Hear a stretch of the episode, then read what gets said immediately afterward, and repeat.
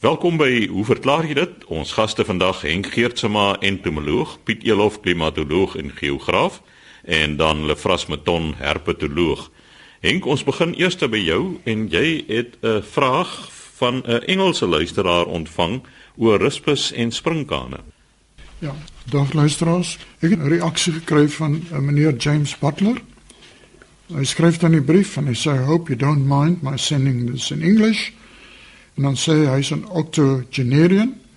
Nou ja, as ek so kyk hier om die tafel, is daar net een kandidaat wat in daai garde val. Hy sê I enjoyed listening to the latest broadcast of Who Verklaar Jy Dit this morning especially the explanation of insects and their sensitivity to changes into barometric changes. It took me back to the 60s when I was told by one of the older Karoo sheep farmers that while there was a big hullabaloo about brown locusts from voetgangers to fleers, the damage they did to the veld was nothing like as serious as the more lasting effect caused to the veld when there was an outbreak of the Karoo caterpillar, Rispus which is said severely stunted regrowth of protein-rich plants like the Ghana. To exacerbate the problem, he said, a lot of harm was being done by dieldrin, or whatever insecticide, that from government buckies would be sprayed over the locust swarms whenever they started appearing. What new insights have since then changed our practice, if any? Dan sê af, thank you for a superb program. Dan het hy 'n naskrif wat sê way back One day, when I stopped to put in petrol at Victoria West after a high speed drive from Bridgetown during the height of a fresh locust outbreak, the front of my car looked as if someone had thrown the total contents of a soup kitchen over it. Mr. Bartel, baie dankie vir die vraag. Ek gaan nou verder kommentaar in Afrikaans lewer want u kan dit skynbaar goed verstaan.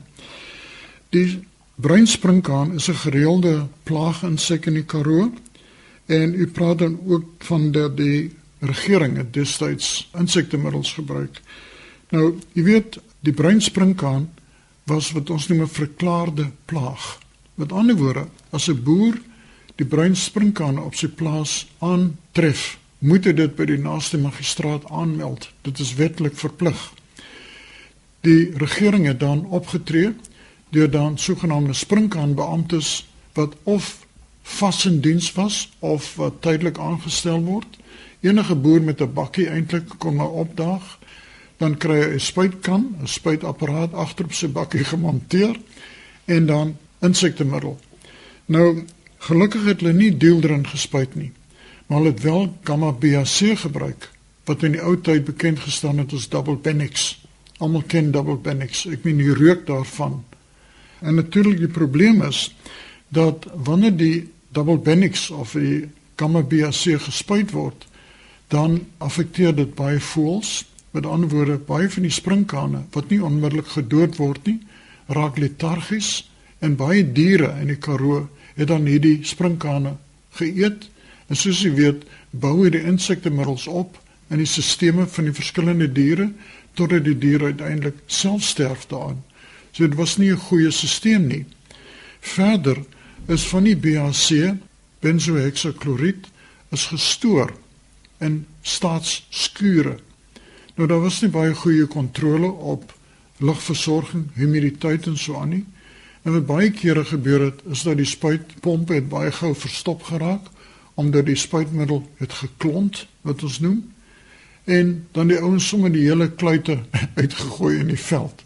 So dit was 'n grootskaalse besoedeling van die omgewing. Ek meen as mens nou deesdae daarna luister, dan is dit amper horribaal om daarna te luister hoe gemaklik mense met insektemiddels wat 'n baie lang nawerking het omgegaan het. Dan praat jy ook van die Karoo caterpillar. Nou dis natuurlik die komando risper wat ons van praat. En dan praat jy gebruik jy baie mooi woord vir die bosie, die cannabis. Nou die cannabis se uh, wetenskaplike naam is eintlik Pensia. Die Pensia is 'n algemene plant in die Karoo wat dan deur die Karoo risper gevreet word. Nou die interessante ding van die Karoo risper is daar is twee wat ons noem fases. Normaalweg is die Karoo risper is in klein getalle aanwesig reg deur die Karoo. En die ding is hulle voeding op die verskillende plante kom mens nie eintlik agter nie. Want is maar hier en daar waar dit versprei is. Maar dan kry mens net soos in die geval van die sprinkane, kry jy 'n aanskielike opbou van populasie. En die interessante ding is van die komando rusper is dan dat die ruspers is nou nie meer geel en swart nie, maar oorwegend swart van kleur. En Piet as klimatoloog kan natuurlik vir ons vertel wanneer 'n insek of 'n dier swart gekleur is, dan absorbeer dit baie meer hitte en dit raak baie meer aktief. Want die ding is, omdat die getalle nou so groot is van hierdie swart ruspers, word die area baie gou kaal gevreet.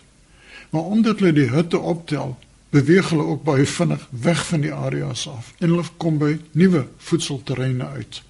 So hulle kan baie skade doen Daar is jare maar natuurlik die cannabis is 'n redelike stewige plant wanneer die plaag verby is, want natuurlik onmiddellik in reaksie op die groot getalle ruspers kom daar voëls wat nou voet op die ruspers en natuurlik 'n klomp parasiete kom by. So hierdie uitbreke van die Karoo rusper of die Komando rusper is periodiek, maar dit benodig geen spuitery of enige nare gebruik van insektemiddels nie en dit los hom die natuur eintlik help homself daar. So meneer Butler, baie dankie vir 'n interessante briefie en natuurlik u aanmerking dat met 'n sprinkaan uitbreek dat jou kar besoedel raak.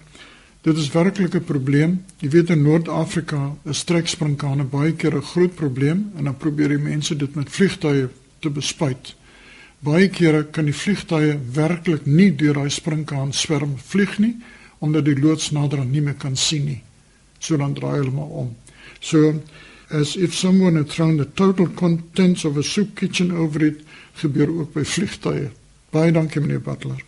Henk, ek dink nie meneer Butler hoef eintlik vreeslik bekommerd te wees nie want as ek reg onthou uit vorige praatjies het jy gesê dat sprinkane eintlik 'n baie goeie bron van proteïene is. Absoluut. Ek meen in Noord-Afrika word sprinkane gedroog, gevang, gedroog en dan later gestamp en dan saam met pap en so as 'n soort van 'n sous, 'n proteïenryke sous gebruik.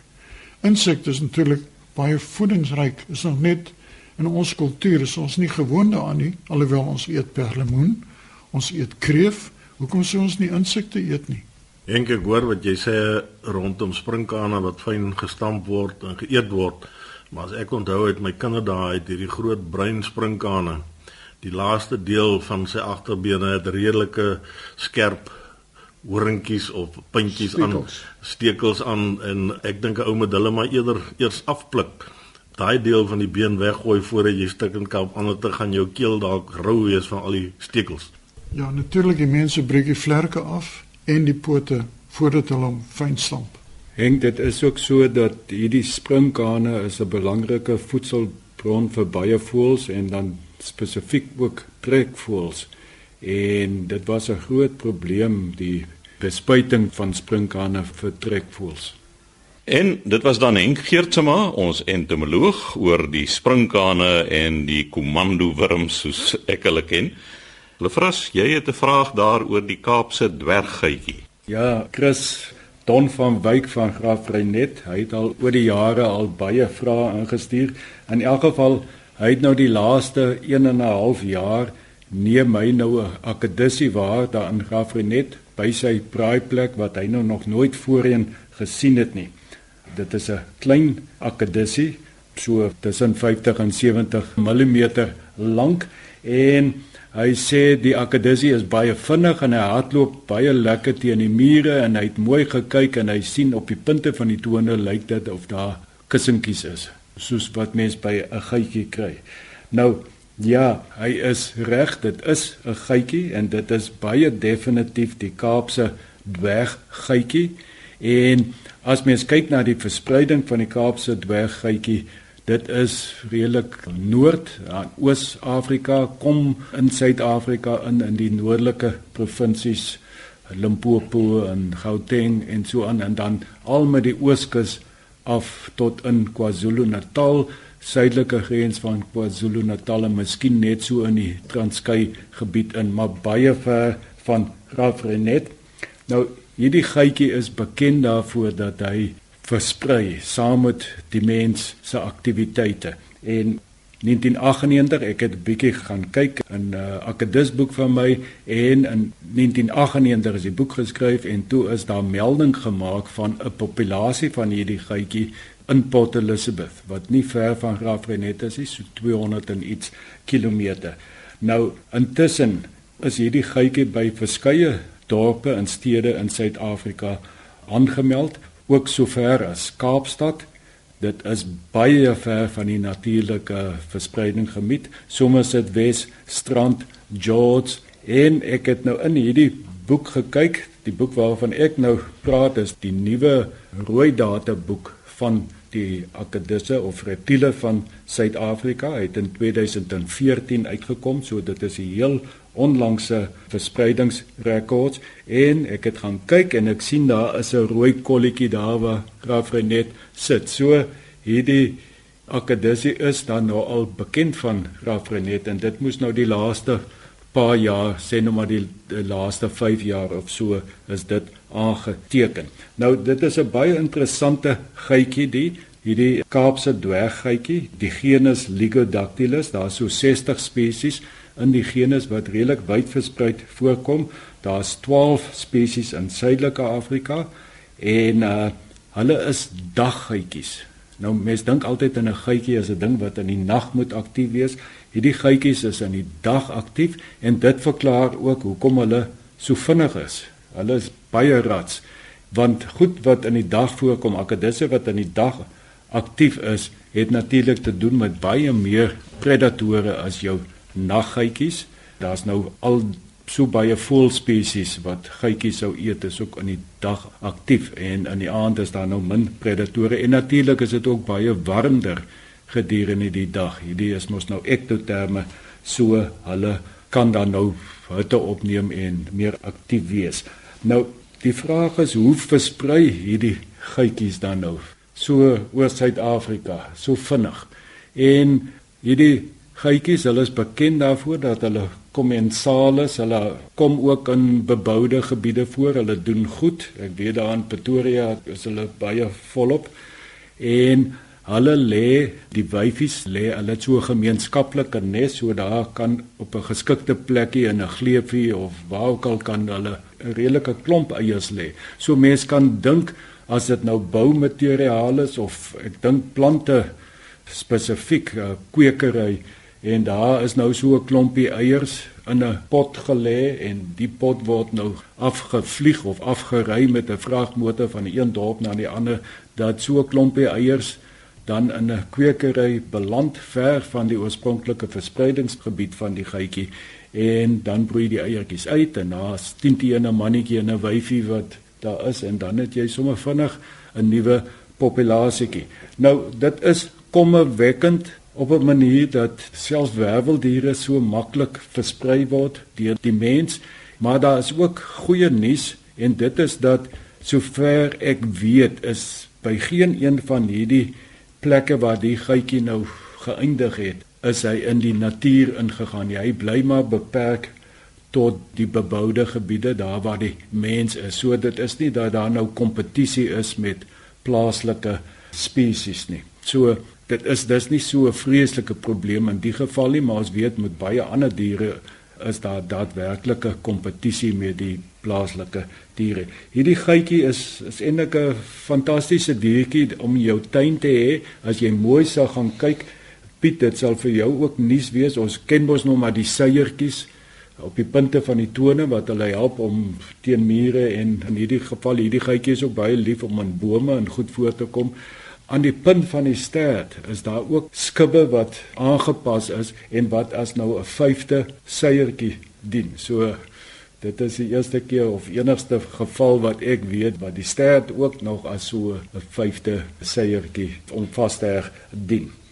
Nou ja, hierdie geitjies lewe nie baie lank nie, so 1 en 'n half jaar, dan sterf hulle en hulle plant dwars deur die jaar voort wat daarop dui dat hulle eintlik van subtropiese gebiede afkom. Hier meer in die suide is die klimaat baie seisoonaal en mens sou verwag dat voortplanting seisoonaal sou wees. Hulle het ooglede as mens mooi sou kyk. Ons weet die meeste gytjies is mos maar sonne ooglede. Die ooglede het versmelt soos by slange. Daar's net so 'n uh, vlies oor oor die oë. Ja, as hulle uitbroei baie klein, so 25 mm. Ek sal nou nie weer die fout maak om te sê sentimeter nie. Baie klein. So ja, lekker om uh, 'n nuwe uh, inwoner te hê daar by jou, Don en jy kan gerus slaap. Jy is nie die oorsaak van die indringer. Dis nie jy wat hom ingebring het nie. Dit lyk my is al redelik goed gevestig daarin, Graaf Renet. Die vraag net so interessant. Jy sê die reptiele wat in die daglig beweeg, redelik vinnig beweeg.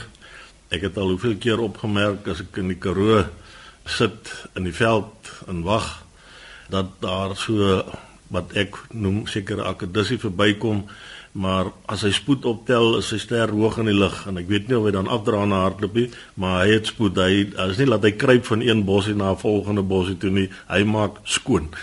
Piet ja alle lede van die Lacertidae hulle is maar die vinnige akkedisse die spoedvrate daar's gelukkig seker dan nie gatsometers of vir hulle nie maar hulle kan hardloop.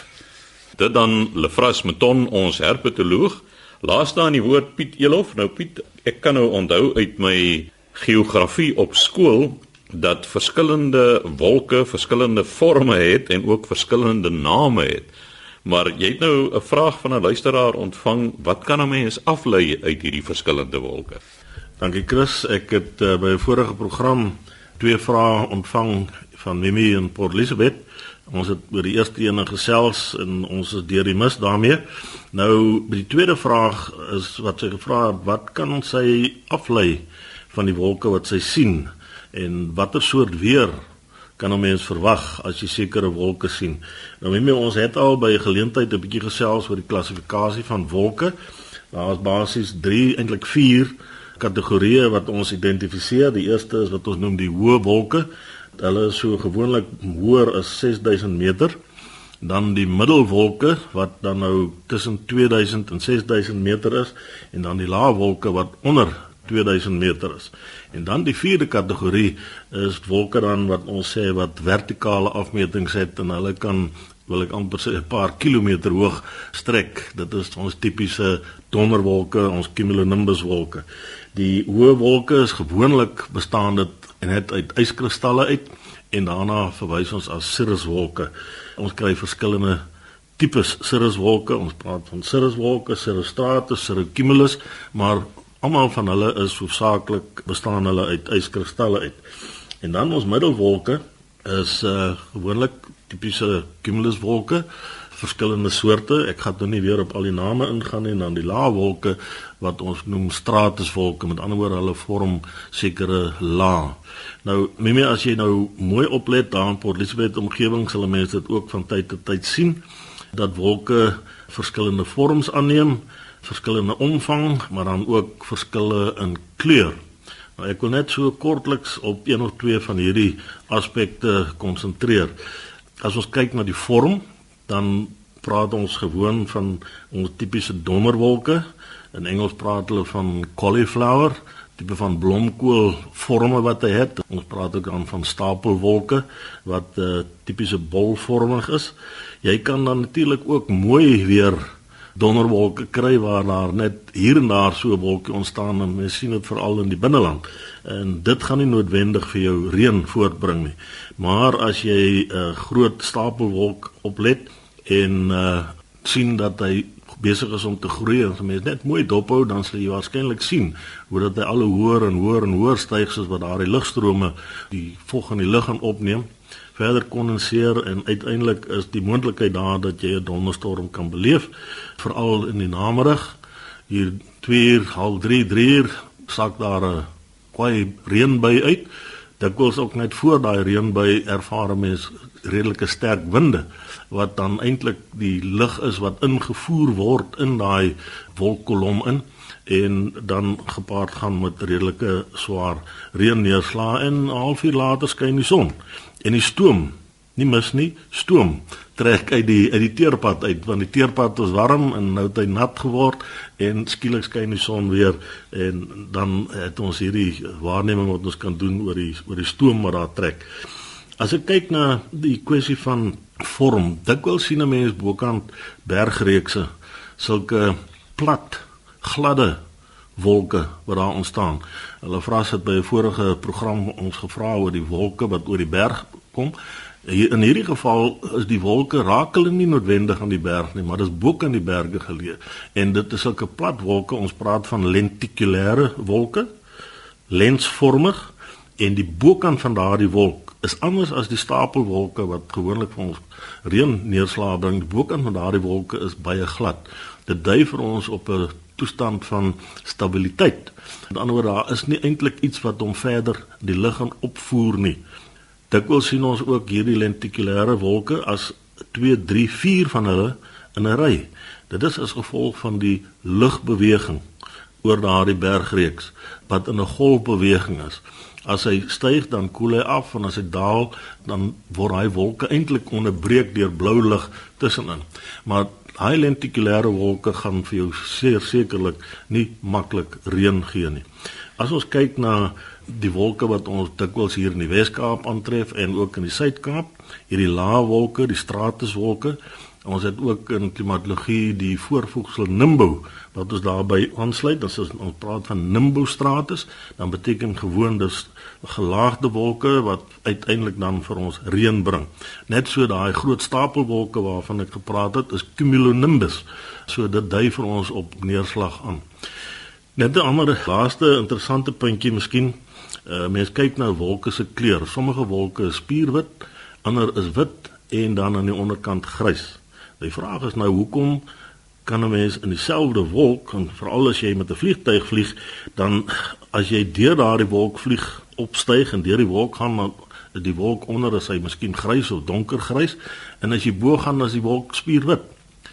Nou wat daar gebeur is die wolkdruppels verstrooi die sonlig en al die golflengtes eweveel. Met ander woorde wat ons waarneem is 'n wit kleur. Nou hoe meer van hierdie druppels in 'n wolk is, hoe minder lig vir alles ons op die oppervlak op die grond staan, hoe minder lig kom deur. Want alles word dan nou kom ons sê die meeste daarvan word verstrooi in in die wolk self. Met ander woorde minder lig kom deur en die wolk vertoon dan vir ons donkerder grys. Hoe donkerder hy is, beteken gewoon daar is redelik baie water in daardie wolk en die kanse dan dat ons reën kry is soveel meer. So Mimi, daar is miskien ten dele antwoorde op jou vraag. Ek hoop dit dit help. Piet, ons het ook by daai vorige program gepraat hierdie wolke wat nou bo op die berg lê as die wind waai. Dit is so dat hier wanneer die mense van die noorde kom vakansie hou hier in die Wes kus dan by die suidoos daar na mekaar en dan lê daai wolk daar elke dag. En partykeer is dit sommer 3 weke wat daar elke dag 'n wolk is. En dit is baie interessant dat baie van die diere is aangepas by daai toestande hierdie wolk. Is amper 'n permanente wolk. Ek weet uh, eh, Dr Willem Cirkel het op slakke gewerk en hy het eendag 'n opname gemaak hoeveel dae van die jaar is daar een of ander stadium wolkbedekking daarbo. En ek verbeel my as amper is ver oor die 200 dae van die 360 dae van die jaar is daar wolkbedekking. Dit is eintlik baie interessant. Hulle vras, ek kry elke jaar die mense uit die noorde, die Gautengers jammer wanneer hulle see toe kom, dan sien ek hulle op die strand al waai die wind amper sê ek die sand in hulle oë in, maar hulle is by die see en hulle geniet dit terwyl ons wat hier is is eintlik bevoorreg om die dae uit te soek hier in April, Mei wanneer daar nie so baie wind is nie, maar ek weet presies dat uh, Dr. Circle redelik hoog in die berge hier in die kom gaan navorsing doen het oor die slakke wat daar voorkom en dit is waarskynlik as gevolg van hierdie spesifieke omgewingsnis waarin hulle oorleef. Ons het natuurlik in die Weskaap en Suid-Kaap is daar 'n bepaalde kewer, kolofon wat hoogs bedreig is. Hulle is beperk tot die bergpieke self Nou die interessante ding is as die suidoos en die Weskaap hulle komberse oor sekere berge gooi. Veral in Desember tot Februarie kan jy maar seker wees dit is die habitatte van hierdie bepaalde kewers. En natuurlik wanneer die suidoos daai wolke gooi, dan normaalweg is die kewers nagaktief. Maar as die wolkbedekking daar is, met ander woorde as jy nou sien op Tafelberg is in so 'n wolk, is dit 'n digte mis eintlik. Dan kom hulle uit en dan beweeg hulle ook. Hierdie kiewers natuurlik vlerkloos, so hulle sal nie kon ontsnap nie. En met globale verwarming, soos die temperatuur gaan styg, kan nie die arme kiewers nie hoër gaan as die bergpieke nie. En ek voorspel binne die volgende 50, 60 jaar is hulle aan die uitsterf. Dis die slegte nuus vir vandag. Op daardie noot het ons ook aan die einde gekom van vandag se program. Skryf gerus aan, hoe verklaar jy dit? Posbus 2551 Kaapstad 8000 of stuur 'n e-pos aan chris@rsg.co.za.